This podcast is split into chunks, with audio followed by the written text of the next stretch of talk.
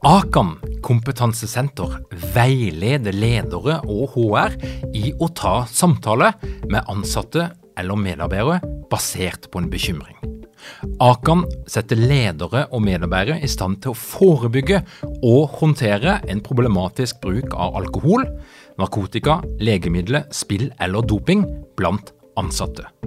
Ønsker du å lære mer om god forebygging og gjennomføring av samtale med en som du er bekymra for? Da kan du nå få tilgang på Akan sitt digitale samtalekurs til spesialpris, kun 760 kroner. Målet med kurset er å gjøre deg tryggere i det som kan være en krevende, men viktig samtale å ta i lederrollen. Du får tilgang til kurset med å gå til samtalekurs.no, samtalekurs.no, og bruke kampanjekoden LEDERPODDEN. Tilbudet gjelder ut april. Hei! Før episoden begynner, så vil jeg bare gi deg ei lita oppdatering. I februar 2021 så setter vi i gang med kull nummer to av lederprogrammet. Lederprogrammet er et tolv ukers digitalt lederprogram der du får møtt åtte av landets fremste eksperter innenfor psykologi og ledelse. Vårt mål er å gi deg de beste verktøyene, inspirasjon erfaringer som gjør deg i stand til å gjennomføre endring i egen organisasjon eller i eget liv. De første deltakerne har allerede meldt sin interesse og satt seg på venteliste. og Hvis du ønsker å være en av de som får lov til å være med på dette her programmet, så er det bare å ta kontakt. Vi kommer snart til å lansere eller relansere lederprogrammet.no og komme ut med mer informasjon. men Inntil det skjer, så er det altså bare å ta kontakt. Send en e-post, så vil jeg holde deg i loopen.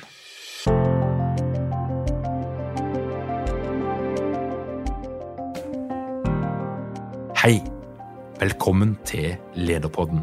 Mitt navn er Tor Åge Eikrapen. Jeg jobber som organisasjonspsykolog og foredragsholder, og dette her er en podkast om ledelse. Guro Øystad, du er psykologspesialist. Du jobber ved Universitetet i Oslo, Psykologisk institutt. Du skriver i Klassekampen, og du har skrevet en rekke bøker, bl.a.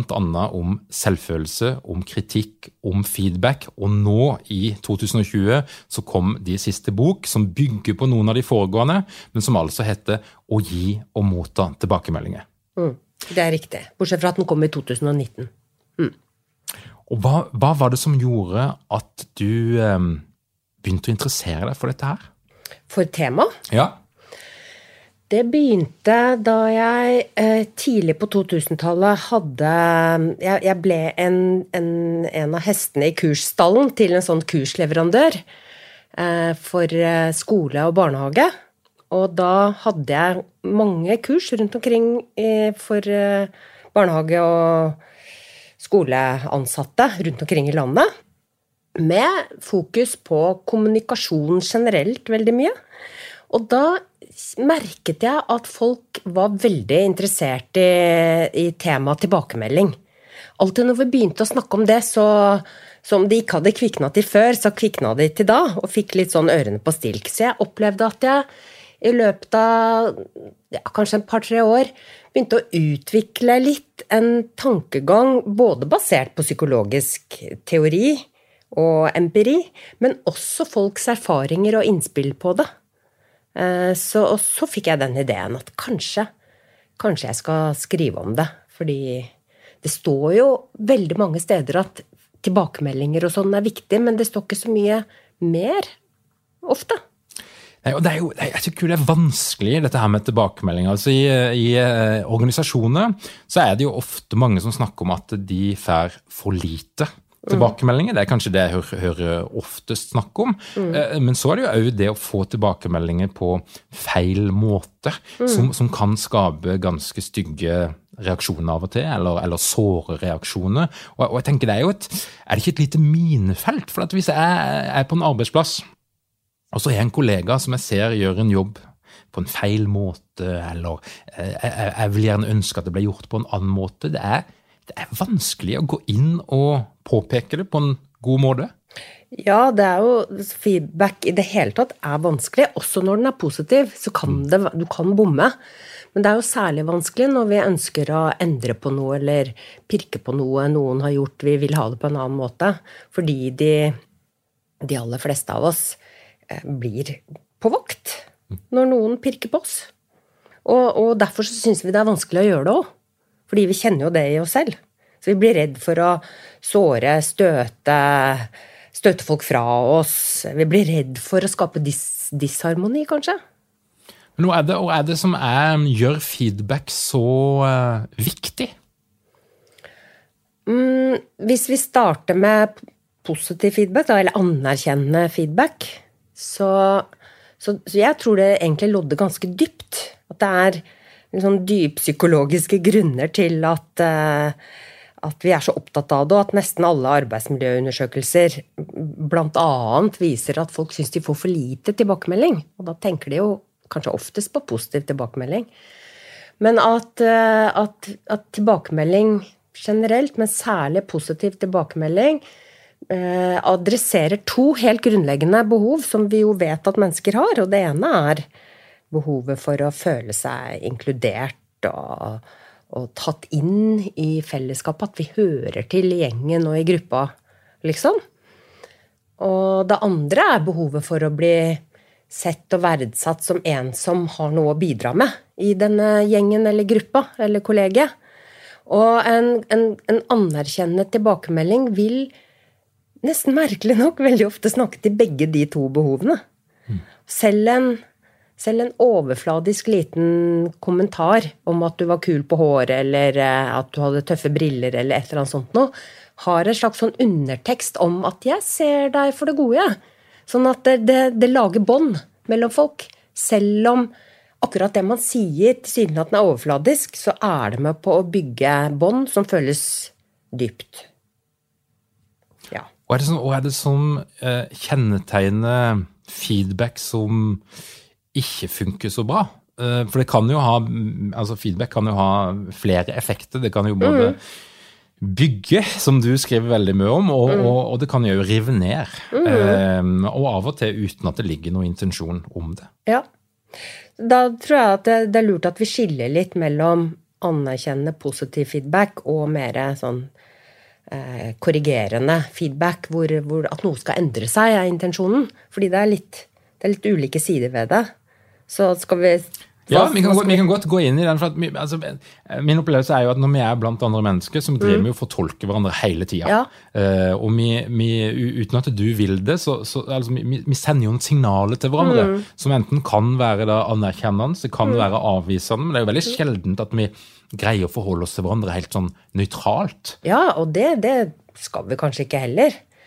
Men uh, hvis, vi, hvis vi Fordi spørsmålet ditt nå var så det, det kan jo bomme. Man, vi kan bomme. Og selv om ikke intensjonen var negativ, så kan det bli negativt. Men hvis vi snakker om eh, positiv, anerkjennende feedback først, så, så kan man jo bomme fordi altså En måte folk kan bomme på, er at de sier ting bare for å si noe pent, ikke fordi de mener det. Og da vil, da vil Vi har veldig radarer for å fange opp om, om noe er eh, på ordentlig eller ikke. Og hvis, vi, hvis jeg værer at du sier noe til meg som ikke er autentisk, eller noe du egentlig ikke mener, men du sier det bare for å smiske eller eh, noe sånt, da, da vil det faktisk gi grobunn for mistillit. Så, og såpass alvorlig er det. Sånn at um, det er, det er jo en, en viktig sånn grunnregel ved tilbakemelding, positiv tilbakemelding, at vi må, vi må, mene det vi sier. Hvis ikke så slår det fort, fort kontra og skaper uh, mistenksomhet. Så denne radaren fanger opp eh, autentisitet? Er, ja, er, det ekte, dette her? Jeg tror det. Ja, ja. Er det ekte, dette her? Og, en, uh, og hvis vi fanger opp at det ikke er ekte, så oppfatter vi det som som eh, At det har en agenda. Du sier det for å få meg til å gjøre noe, eller for å slippe unna noe selv. Altså, vi begynner å spekulere på i alle dag, hva er agendaen hans, da? Hva er det han prøver å få til? Um, men man kan jo bomme selv om man sier noe fint og mener det. For det kan hende at det treffer noe i din psykologi som ble feil for deg, uten at jeg kanskje hadde sjanse til å vite det en gang. Det kan hende at jeg treffer et sårt punkt, eller at, jeg, eller at det egentlig er noe annet du intenst lengter etter å bli sett for, og så var det det jeg skrøt av. Det betyr ikke noe for deg, men du er skuffa over at jeg ikke så det du egentlig trengte å bli sett for, da. Mm. Mm. Hva er din opplevelse, da? hvis vi skal snakke om eh, norsk kultur, er, det noe særtrekk når det kommer til det å gi og ta imot tilbakemeldinger? Er det noe, e, har vi noe egenart? Altså For noen påstår vi at vi er såkalt kommunikativt fattige.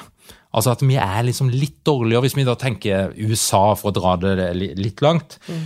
Så vil du fort få høre et eller annet nesten bare du henger inn i en heis. Så kan du jo få en kommentar. Mm. Om 'oi, så fine sko du er', eller mm. eh, et eller annet. Så det er ikke sikkert vi opplever det som så autentisk, men mens eh, i Norge så er vi kanskje Det skal litt til at vi gir hverandre tilbakemeldinger. Stemmer det? Ja, det, hvis jeg skal uttale meg om det, så blir det bare litt sånn synsing. Ja, for dette vet jeg ikke. Det er ikke forskningsbasert, Nei. det er bare ren synsing. ja, ja.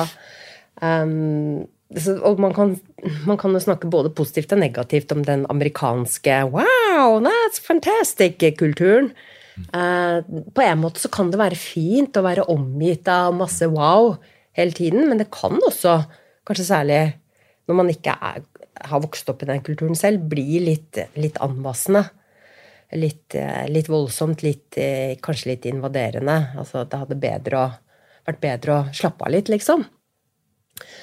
Um, men, um, men om vi da er så, så dårlige på det, eller så knepne Jeg veit ikke helt. Jeg tror det egentlig varierer litt sånn på, på subkulturer innad mm. eh, i, i, vår sånn norske kultur. Jeg syns ikke nødvendigvis at vi er så innmari dårlige på det, men, men, men de fleste arbeidssteder, f.eks., har ganske mye å gå på når, når det gjelder å, å, lage rike, varierte feedback-kulturer. Fordi, og det, det er jeg litt opptatt av, at gode tilbakemeldinger er veldig mye mer enn å bare si 'wow, nå var du flink', eller eh, 'herregud, så pen du er', eller et eller annet sånt noe. ja, det, og det er litt kult i boka di, syns jeg, for du, du, skisserer jo opp et, et, sånn, et, en ganske svær palett ja. av ulike tilbakemeldinger. Mm. For i den klassiske konsulentverden så snakker en ofte om tilbakemeldinger, så er det de her 365. Konkret, ja, la oss sette oss ned, og nå skal du få høre hva du er mm. god på, og så skal du få høre hva du er dårlig på, og så skal mm. vi holde på eh, på det viset der. Mm. Mens når du snakker om en feedback-kultur, mm. hvis vi kan bruke det begrepet, ja. Ja. Så, så, beskriver du en variert meny ja. av, av, mange ulike former for feedback. Ja, det, det er jeg opptatt av. Og det, har du lyst til at vi skal snakke ja, litt om den ja, paletten? Ja, det har jeg lyst til. For la oss gå inn i, på en uh, tilfeldig arbeidsplass. Ja. Uh, og, så, og, så, la oss tenke oss altså Det fins en type arbeidsplass som, som har en såkalt feedback-kultur.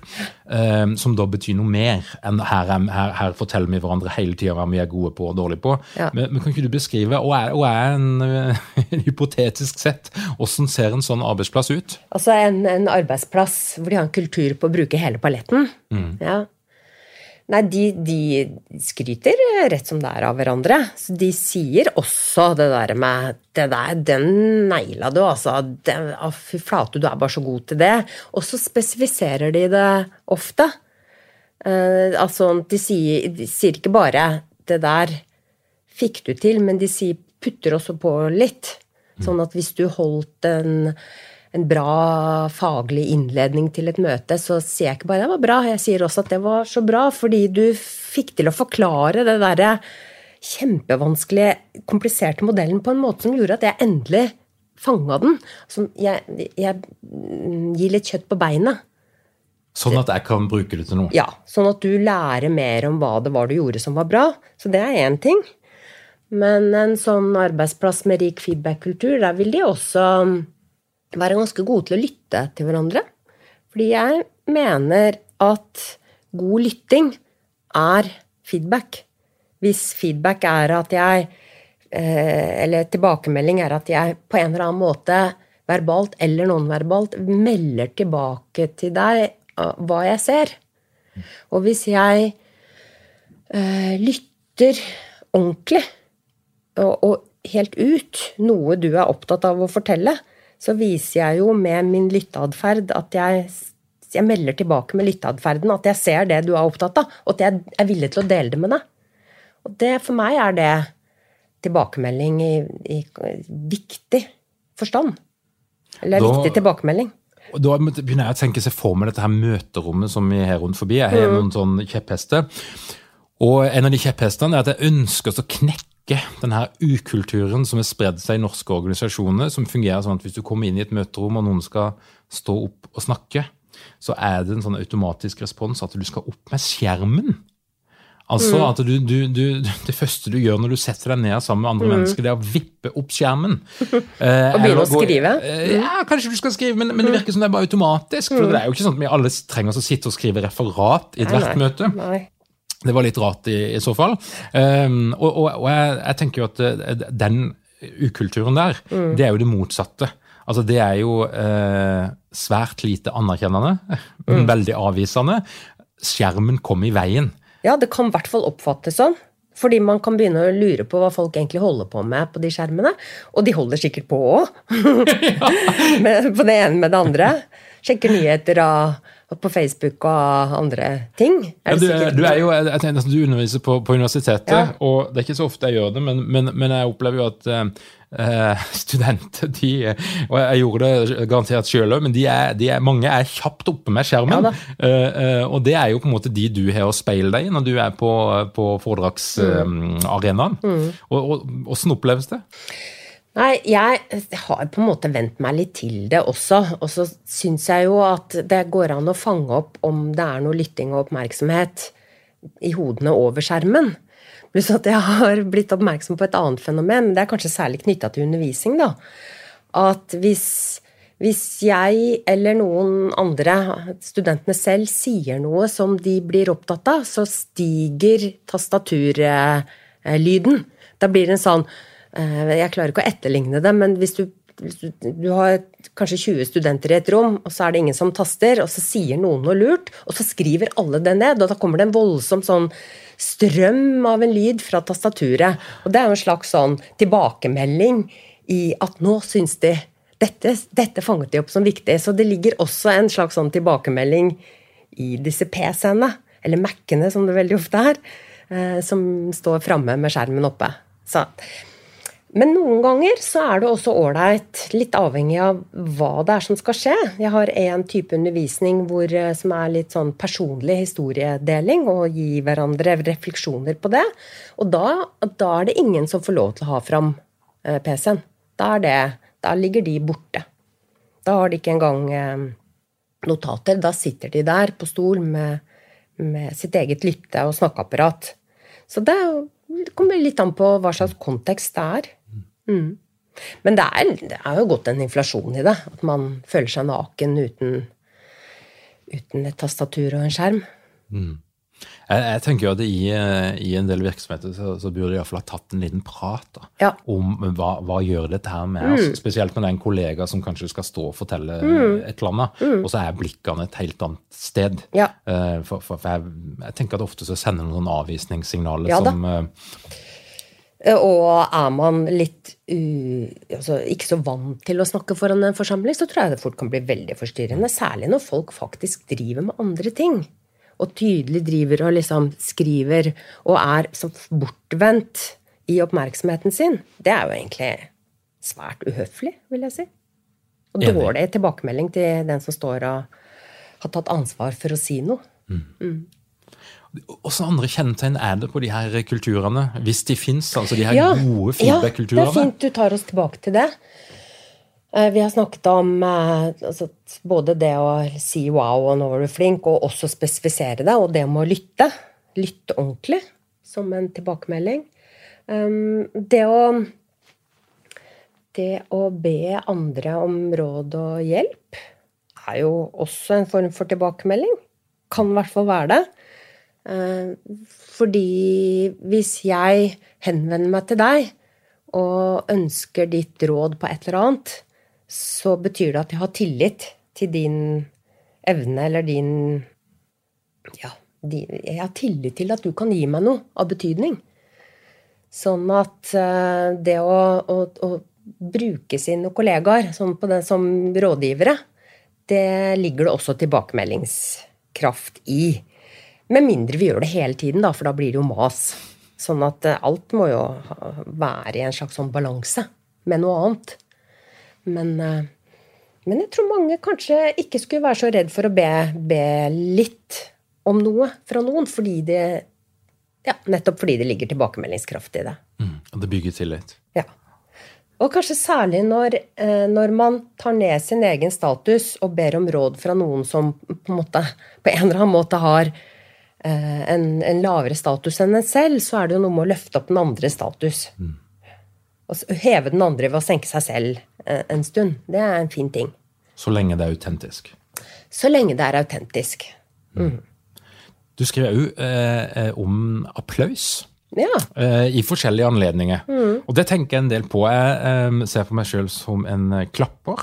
Mm. Eh, og jeg syns det er veldig gøy å starte klapping. Ja. For det, det, er jo ofte sånn noen må starte, og, så, og, så, så, fortsetter det. En veldig gøy effekt. Ja. Og så legger jeg merke til Jeg har jo vært litt dårlig med teater og konserter og sånn i det siste, men spesielt på på teater, mm. så, så, så, har jeg opplevd at det stående applaus mm.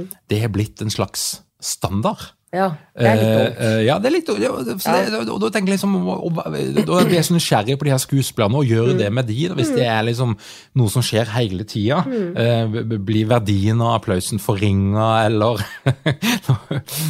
Ja, før så var vel stående applaus det var, det, det var nesten å sprenge skalaen, liksom. For hvis man tenker karakterer. Men jeg har også tenkt at det er litt inflasjon i det.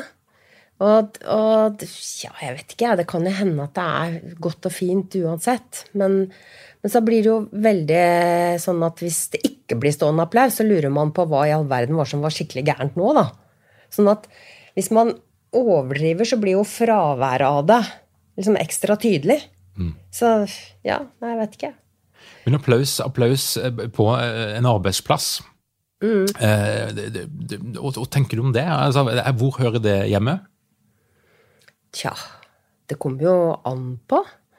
Um, det, det, kan jo fort bli for mye at man skal klappe for alt. Uh, men, men, samtidig så altså, Ja, hvis noen Ja, hva skal man si? Uh, hvis noen holder et lengre innlegg som man kjenner at wow, dette var akkurat hva vi trengte å høre, nå, så kan det jo være kult da, hvis du sitter i den, eh, den gjengen og du liker å starte applaus, at du starter applaus. Og så vil de andre følge med, og så blir det litt latter, og så blir det litt sånn varm applaus. Sånn at den som har levert dette veldig passende innlegget, får en slags sånn nonverbal og veldig varmende tilbakemelding gjennom den applausen. Det er jo, det er jo deilig. og Jeg tenker bare det å, å være den som klapper er, altså, det er en mm. god følelse. Det er en god følelse. Så det gjør jo noe med oss som fellesskap. Ja, det gjør det. Og, og jeg sitter og tenker nå i bakhodet mens du begynte å snakke om dette her, at jeg har veldig mye på, på Psykologisk institutt så har jeg mye sånn type seminarer med rollespill, hvor psykologstudenter skal øve seg gjennom rollespill. Og da har vi alltid, når vi har liksom live live-undervisning og live rollespill, så har vi alltid applaus etterpå. Men nå er det jo veldig mye undervisning som foregår delvis, i hvert fall, på Zoom. Eller digitalt. Og da har jeg i det siste så har jeg tenkt på at vi klapper mindre. Og det kjennes ut som det er noe som burde vært der, som ikke er der. Og jeg har tenkt på at det er antageligvis applausen. Mm. Når noen har gjort en prestasjon, og den skal avsluttes, så er applaus en fin måte både å avslutte det og også anerkjenne det på. Så det er en, en kombinasjon av å slutte noe og samtidig anerkjenne det. Mm. Så det, ja, det er morsomt at du trekker fram det med applaus, for det er, det er en fin ting. Og så hører man jo på applaus om den er eh, ordentlig eller halvhjerta. Når mange mennesker er helhjerta i applausen, så blir det veldig taktfast og kraftfullt. Mens halvhjerta applaus er mer sånn Man klapper ikke i takt, noen driver og reiser seg samtidig. Eh, sånn at det er ganske mange nyanser i applaus. Og det kan man jo også være klar over selv. Sånn at man ikke sårer noen med, med halvhjerta applaus bare fordi man har det travelt. Ja, den er, den er litt slemmere enn Ja. nesten ingen applaus. Ja, ja, det kan du si. Det kan du si. Så man skal eh, så I det hele tatt så skal man jo være litt bevisst sine tilbakemeldingsutstrålinger. Både eksplisitt og implisitt, holdt jeg på å si. Mm.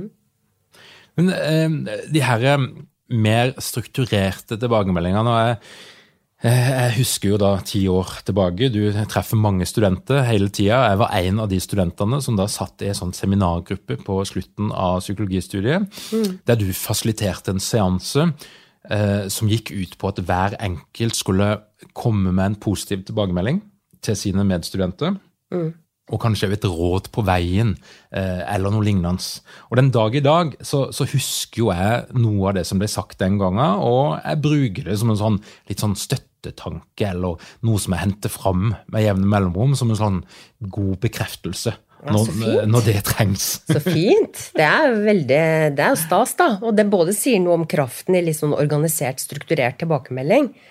Og så er det jo akkurat det du sier nå, er jo, tar jo jeg som en tilbakemelding på at det er lurt å drive med noen sånne strukturerte tilbakemeldingsøvelser.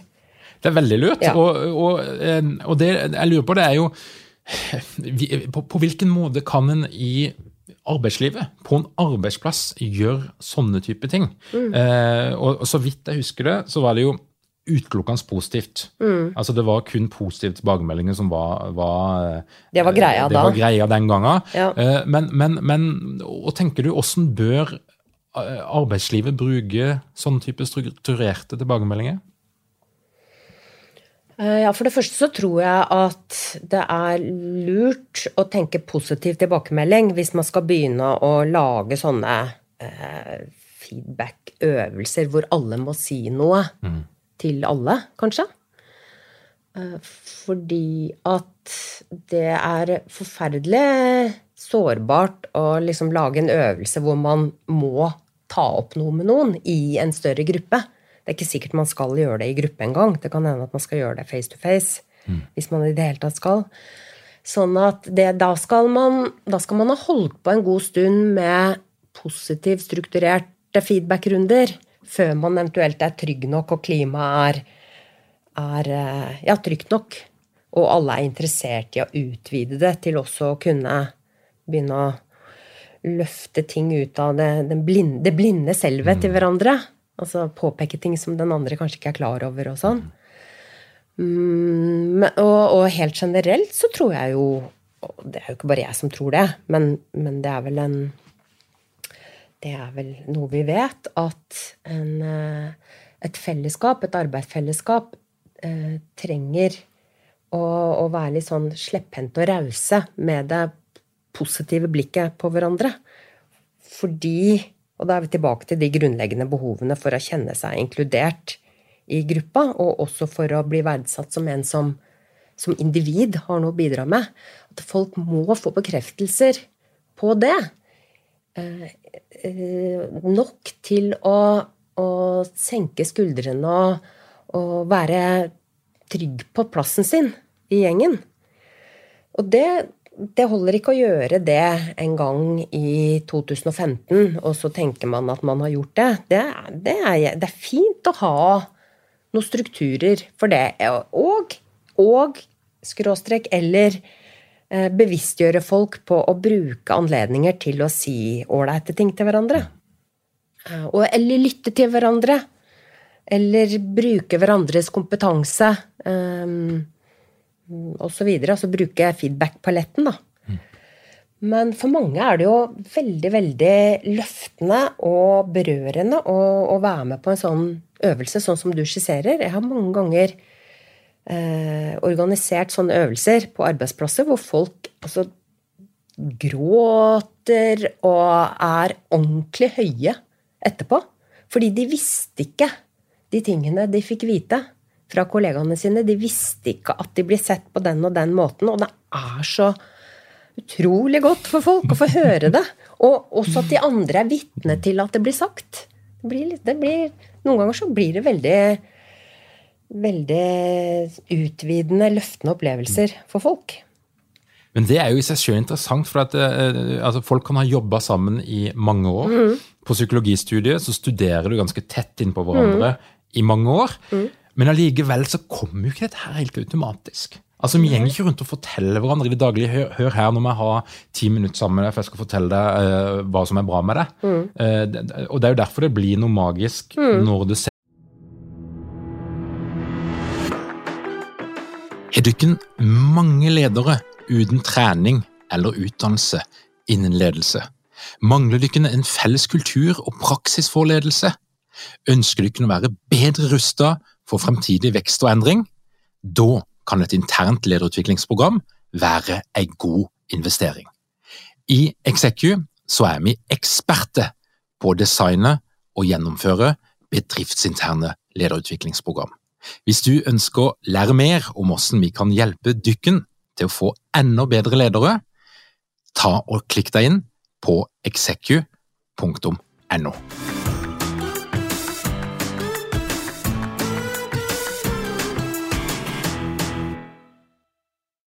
settes i system, og når det struktureres. Mm.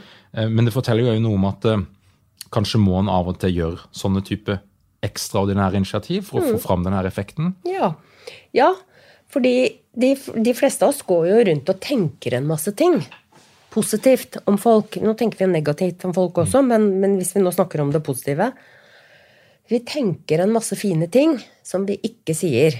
Eh, sånn, en sånn øvelse inviterer oss jo til å si det vi kanskje tenker, eller tenke oss om og se noe.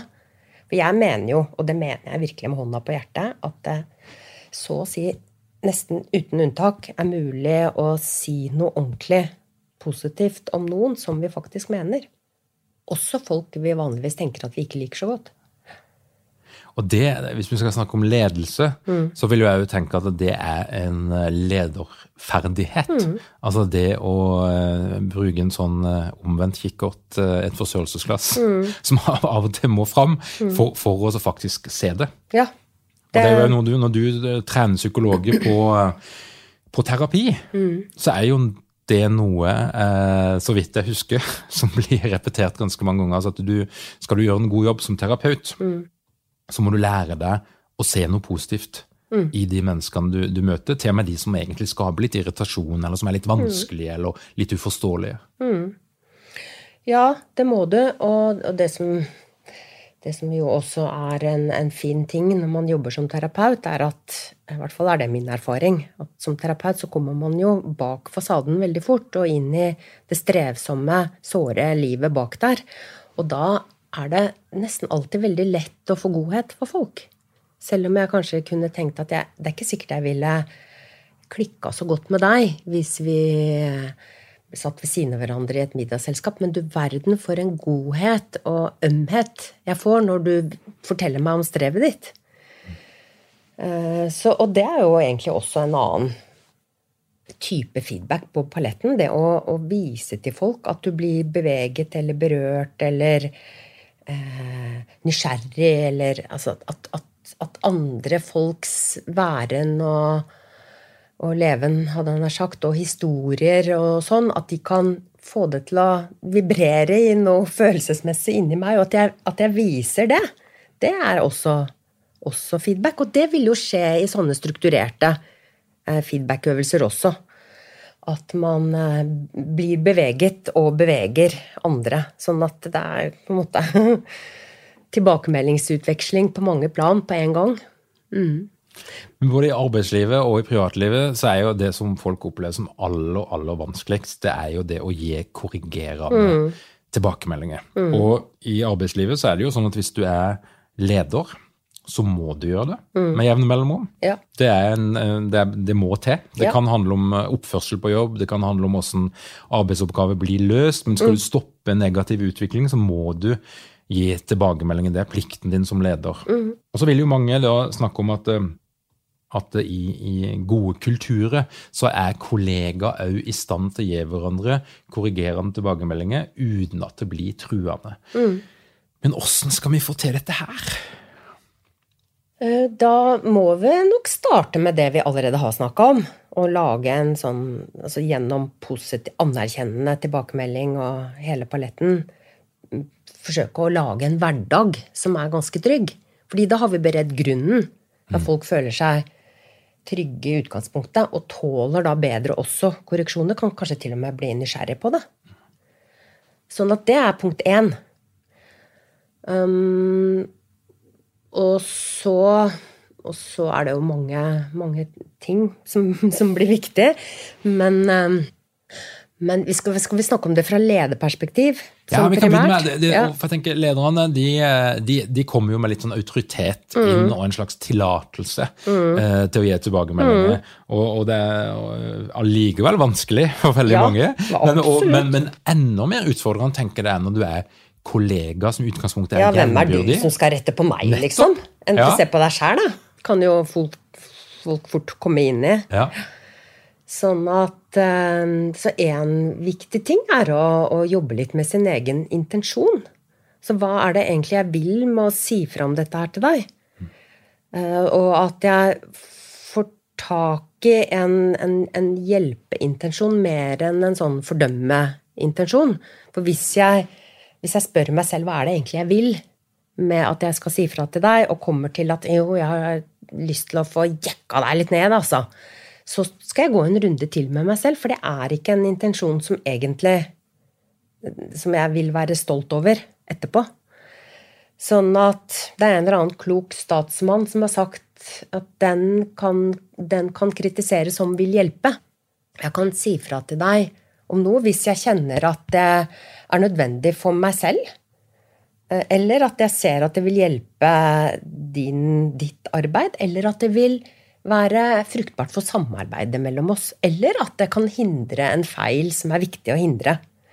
Sånn at, at jeg må Med mindre det gjelder en filleting, da, som at eh, Kan ikke du ta med deg den koppen og sette den inn i oppvaskmaskinen? Eller ja, noen kan jo bli støtt av det òg, da. Men, men, men som en sånn hovedregel at vi hvis vi skal si fra om noe som er, er, hvor det er fare for å støte eller såre eller eh, skape krøll, så er det lurt å kjenne at vi, vi vil noe som er konstruktivt med det. Hvis ikke vi vil det, så kan det hende at det handler om noe i oss selv som vi heller skal jobbe med.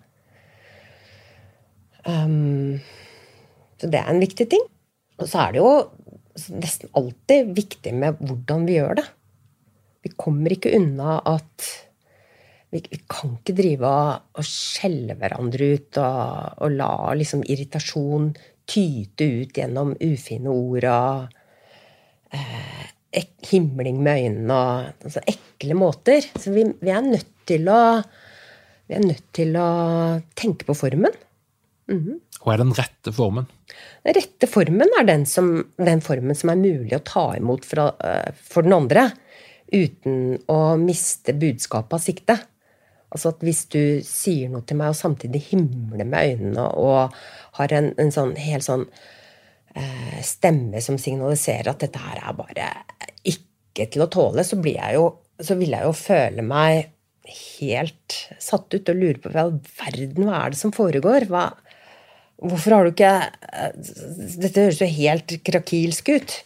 Snakk til meg sånn at vi kan fortsette å snakke sammen. Og egentlig så er stikkordet i, i, den type korrektive samtaler er dialog, tror jeg. Og det igjen, det er ikke bare jeg som tror det, men det, det underbygger jo også forskningen. Skal vi få korrigert hverandre, så er vi nødt til å være innstilt på dialog. For det kan godt hende at du vil si fra til meg om et eller annet. Og det er viktig at du kommer da fram med det budskapet, men du må også være interessert i hvordan det lander i meg. Hva det vekker i meg. Sånn at jeg også får taletid. Og da må du lytte. Sånn at vi må, vi må få til den derre turtakingen på å snakke og lytte, som, som dialog egentlig er. Og da er, da er jo eh, poenget egentlig altså hvordan kan jeg gi tilbakemelding som ikke aktiverer den andre? Sånn at den andre går i forsvar eller i angrep. Eller for det, det er jo det, det, er jo det som måtte ødelegge for dialogen. Ja, det er det. Men samtidig så, så er det jo heller ikke riktig å si at vi må, ha, vi må si fra på en måte som ikke aktiverer. fordi sjansen for at vi aktiverer, den er jo overhengende. Og vi er kanskje aktivert selv. Og kanskje er det nettopp aktivering det handler om, eller at det er noe som eh, Noe du gjør eller jeg gjør, som eh, forstyrrer, irriterer eller gnager på en eller annen måte. Som kanskje er nettopp aktiverte følelser tema. Sånn det kan ikke være noe mål at vi at, at eh, kritikksamtaler skal være følelsesnøytrale, men at vi allikevel må disiplinere uttrykket av det. Så om jeg er fly forbanna, så er det ikke sikkert jeg skal rope og skjelle og smelle og bånde, selv om jeg emosjonelt sett har lyst til det. For da blir det umulig for deg å ta imot. Og Da, blir jeg, da blir det litt usivilisert. Så det handler om å, å la, altså gjøre, gjør det mulig? Gjøre det mulig å ta imot. Ja. Og så, så, er det jo ofte viktig også å lage en god ramme rundt en sånn samtale. I hvert fall hvis det er litt substans i det. At jeg ikke bare sier det i forbifarten i korridoren, og så har ikke du, har du tid og anledning til å respondere og, og, og, komme med din versjon av det. Så det er ikke anledning til dialog. Vi, vi bør nok lage rammer som gjør dialog mulig. Og så sette av litt tid.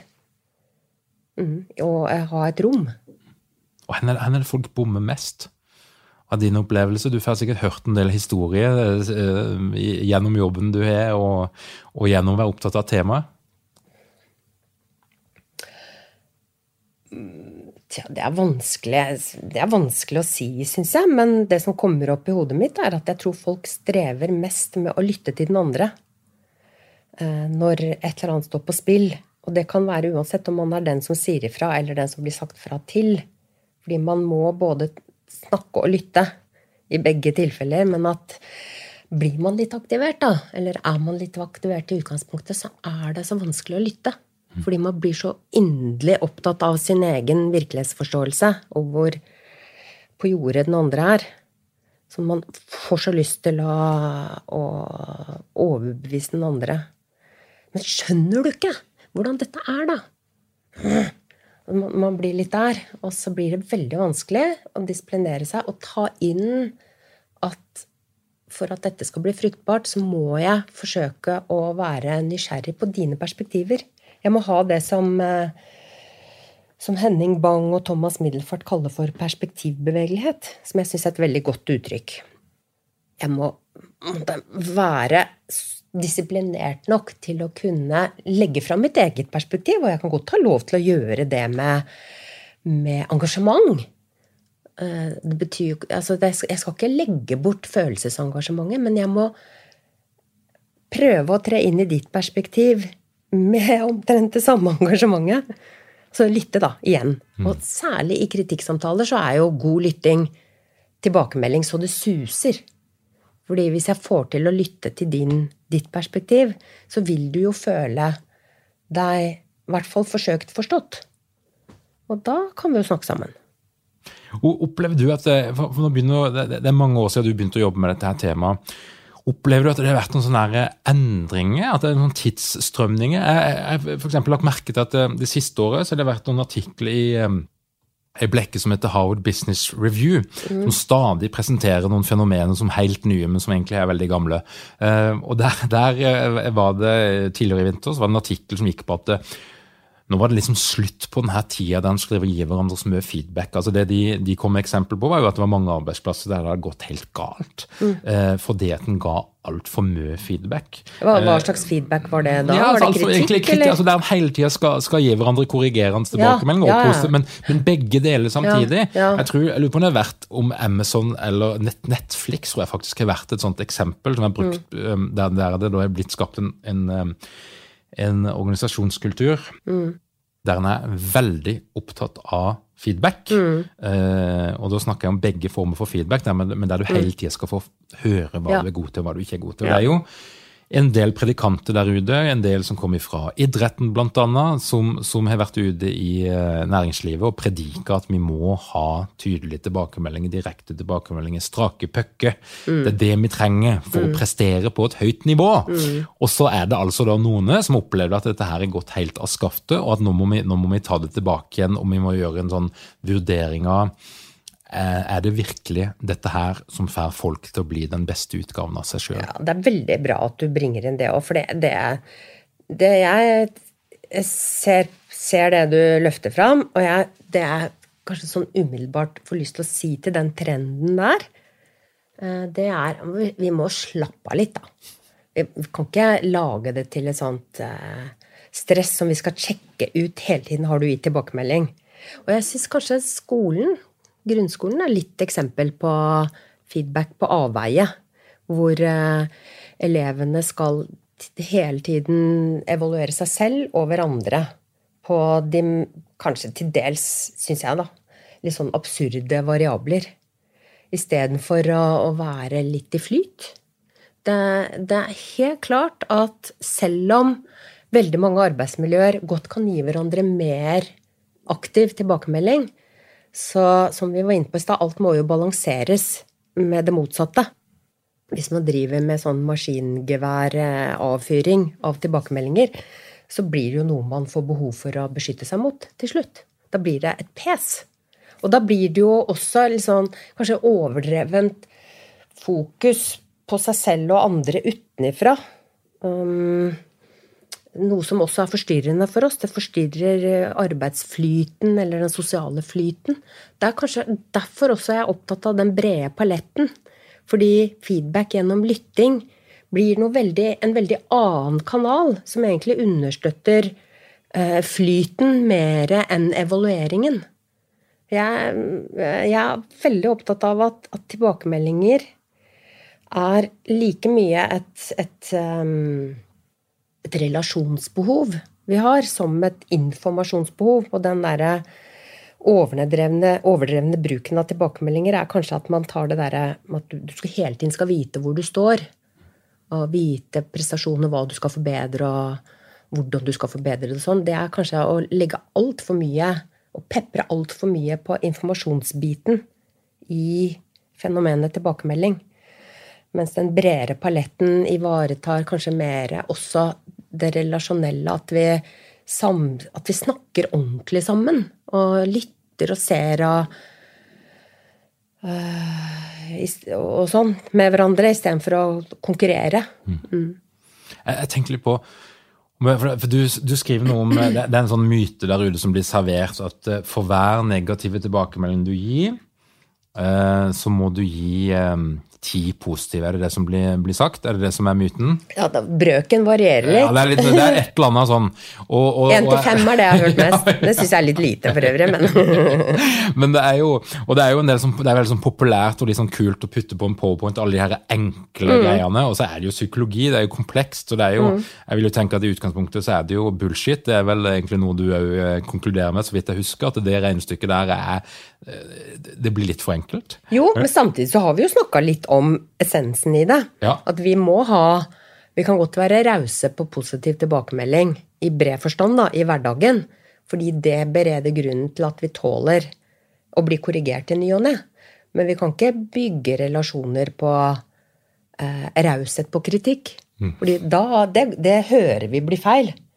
Da blir vi på vakt. Hvor mye kritikk tåler vi, da? For nå er vi jo nå er vi litt inne på det, det, andre temaet som du har gått dypt i og skrevet veldig bra om, som er eh, selvfølelsen. Og, og, og der er vi jo forskjellig utrusta. Eh, altså, en vil jo da tenke at noen med en god selvfølelse vil tåle en del kritikk. Mm. Det er vel òg Edde Jung som snakker om, om, smalt og fleksibelt ego. Altså mm. den her eh, åpenheten for at du kan komme med noe, du kan komme med kritikk, mm. men, men, du truer ikke mitt selvbilde eller min mm. selvfølelse. Mm. Um, det er et eller annet der. Men, men, hvor mye kritikk kan vi tåle å deale med, da? For det er jo et eller annet punkt der det begynner å bli ganske destruktivt. Ja, det er det. Og det er ikke sikkert det punktet er så innmari langt unna, holdt jeg på å si. Eh, sånn generelt. Jeg, det, jeg tror det er helt umulig å si noe, noe, som er i nærheten av noe kategorisk på så og så mye tåler vi. Fordi, som du er inne på, det varierer jo. Men, men de aller, aller fleste av oss vil bli litt på vakt hvis det blir Hvis man liksom driver og sier fra om alt og intet hele tiden. Så det er jo et, et um, et kjent uttrykk som er du må velge dine kamper. Det tror jeg er veldig relevant. Det er, det er ikke sånn at vi skal drive og si fra om alt vi reagerer på hele tiden. Veldig mange av de tingene vi reagerer på, er jo heller ikke mulig for den andre å korrigere seg på. Så da er det ikke noe vits å si fra om det heller. Da får vi heller prøve å tåle det. Mm. Men vi skal si fra hvis det er noe som virkelig forstyrrer eller står i fare for å hindre noe som ellers kunne blitt fruktbart. Hvis, vi, hvis du og jeg samarbeider, og det er noe ved måten vi samarbeider på, som jeg reagerer på med måten du gjør Det var ikke sagt, men du skjønner. Så, så, kan det hende at det er veldig lurt at jeg sier ifra. At det er fruktbart for oss begge to. At vi vokser på det. Fordi, men, men da avhenger det igjen av måten. Hvis vi får til å ha den der hjelpeintensjonen og si fra på en måte som er mulig å ta imot, og som, som vi begge to ser at blir fruktbare for oss, så, så, kan vi jo vokse og lære mye på det. Sånn sett så kan korrektiv tilbakemelding også være veldig støttende og utvidende. Mm. For det er jo noe med at når jeg sier ifra til deg om et eller annet, så viser jeg jo også en slags sånn tillit til at jeg, jeg tror du er en person som tåler å utvide repertoaret ditt. Og det er jo fint. Sånn at jeg merker at relasjoner jeg har hvor det er en åpning for at vi kan ta opp ting med hverandre, de blir mer robuste, mer spennende, mer bærekraftige i det lange løp. Og det gjelder både privat og på jobb. Mm. Og selvfølelsen, kan du fortelle litt, da? For den det snakker, ikke, det snakker, vi aldri om, vil jeg påstå. Innenfor organisasjonspsykologien så er det iallfall et tema som er sjelden til opp, og, og, som en Altså, det er noe veldig nært. Mm. Det er noe veldig privat. Eh, men det er jo noe veldig viktig. Ja. Eh, og, kan ikke du fortelle litt om forbindelsen mellom de tilbakemeldingene du får fra omgivelsene, og den selvfølelsen du måtte ha, eller som du måtte kunne utvikle? Ja, det er jo et svært tema, da. Det er det.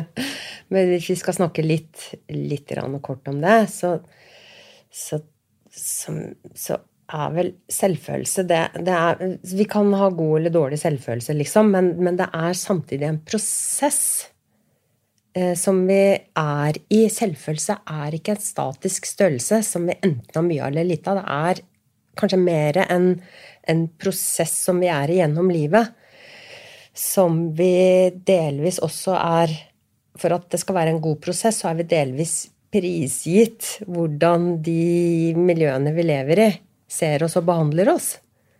Sånn at hvis, hvis du blir sett som en bid, god bidragsyter, en ressursperson, en som folk liker å henge med på jobben, så vil det bidra til at følelsen din og deg selv er i en god prosess. Eh, og det vil være lettere for deg å folde deg ut og blomstre og være, gjøre det du skal, få nye ideer. Eh, gjøre en god jobb, rett og slett. Så Og det er jo, det er jo litt interessant, for at det, um, det betyr jo at arbeidsplassen, et sted der du tilbringer veldig mye tid. Mm. Du omgir deg med mennesker som du har kanskje mer kontakt med enn noen andre. Mm. Arbeidsplassen er jo sånn sett en viktig premissleverandør. Yes. Kan være det for din selvfølelse. Ja, den, den er det vel. Fordi den er jo en premissleverandør. Uh, uansett om den leverer positivt eller negativt til deg. Sånn at vi driver jo på sett og vis og holder i hverandres Eh, liv i stort og smått hele tiden når vi omgås mye.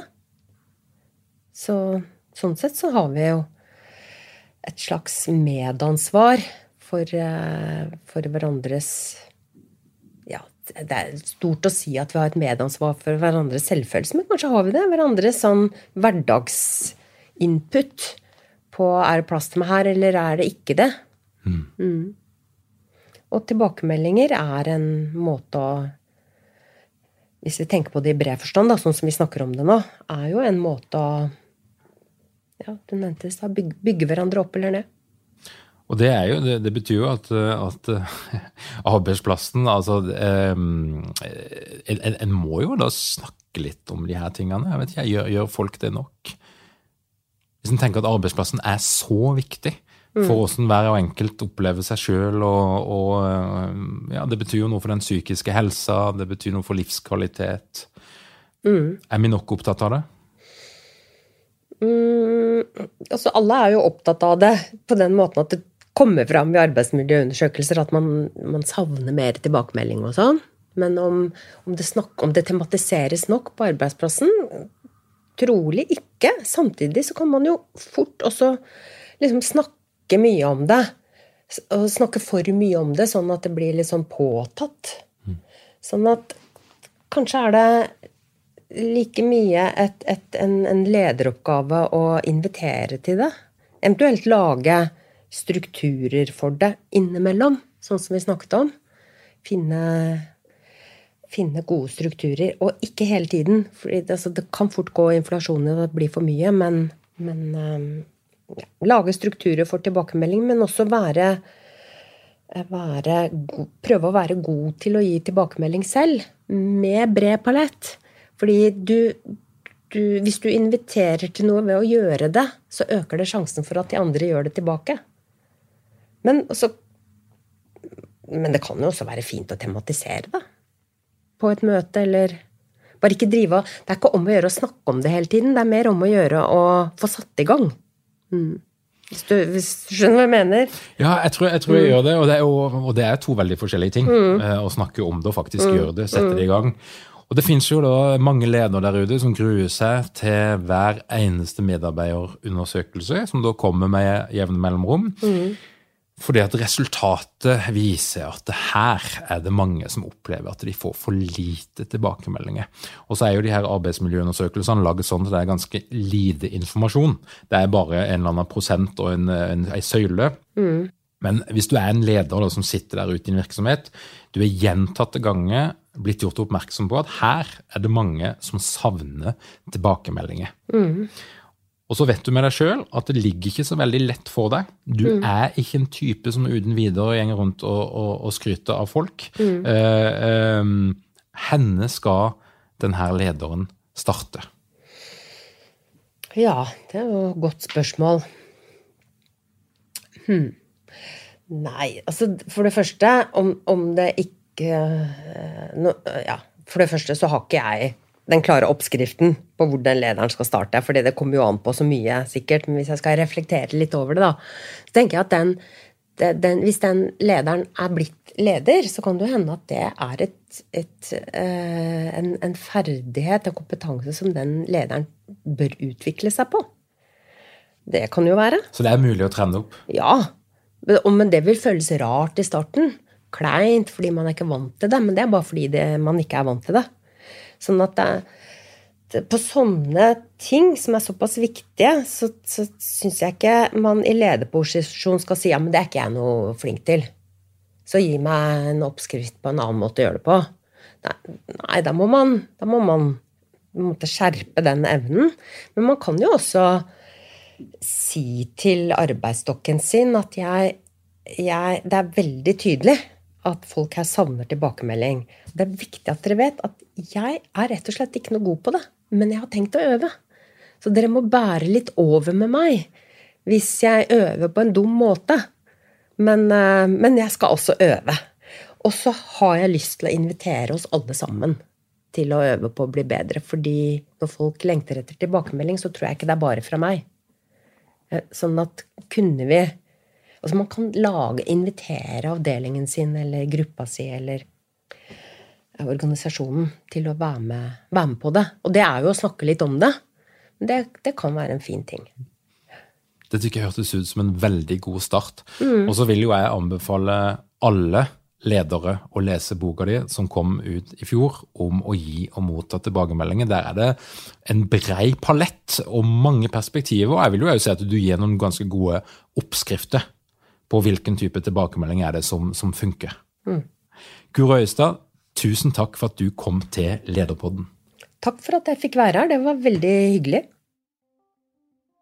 Du har nå hørt på Lederpodden Hvis du ønsker å bli oppdatert når vi lanserer livesendinger, legger ut workshops, andre spennende ting, så anbefaler jeg deg å gå inn på facebook.com lederpodden. Lik oss, eller du kan gå på lederpodden.no og abonnere på vårt nyhetsbrev, så vil du bli orientert når det skjer noe i Lederpoddens verden. Takk for at du hører på Lederpodden.